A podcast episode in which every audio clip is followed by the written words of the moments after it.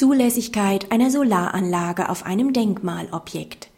Der Denkmalschutz führt in der Regel dazu, dass ein Objekt nicht ohne Genehmigung, basierend auf hinreichenden Gründen, verändert werden darf. Eine Solaranlage ist eventuell zulässig. Das denkmalgeschützte Anwesen der Kläger ist ein Teil eines geschützten Ensembles, das an einer Seite einer Straße gelegen ist. An der anderen Straßenseite liegt ebenfalls ein derart geschütztes Ensemble. In die Architekturgeschichte sind diese im Wege eines künstlerischen Vergleichs als Zehlendorfer Dächerkrieg wegen der Meinungen zu den unterschiedlich ausgestalteten Dachformen eingegangen. Die Kläger beantragen bei der unteren Denkmalbehörde die Genehmigung einer Solaranlage für ihr Objekt auf dessen dem anderen Ensemble angewandten Dachseite. Das VG Berlin gibt der Klage nach erfolglosem Widerspruch statt.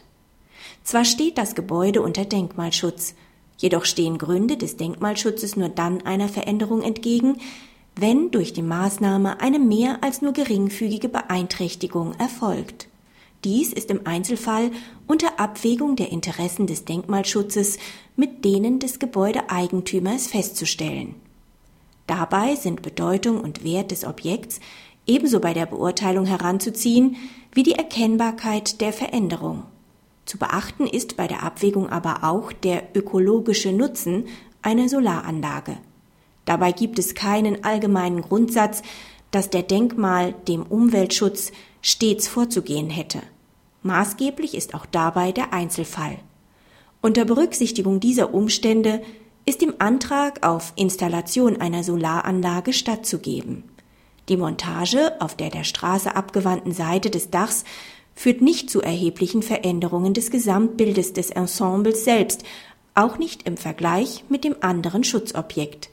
Denn von der Straße aus betrachtet bleibt der architektonische Widerspruch beider Ensembles erhalten. Praxishinweis. Wie das VG richtig ausspricht, muss immer eine Beurteilung im Einzelfall erfolgen. Dies führt vorliegend wegen des Schutzes der zum Zwecke des Vergleichs geschützten, in die Denkmalliste eingetragenen gegenüberliegenden Ensembles nicht zu wesentlichen Beeinträchtigungen, weil die Montage an der dem anderen Objekt abgewandten Seite erfolgt.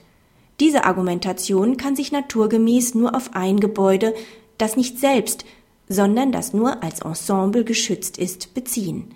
Denn der Schutz eines Ensembles erstreckt sich auch auf solche Gebäude, die selbst nicht geschützt oder schützenswert sind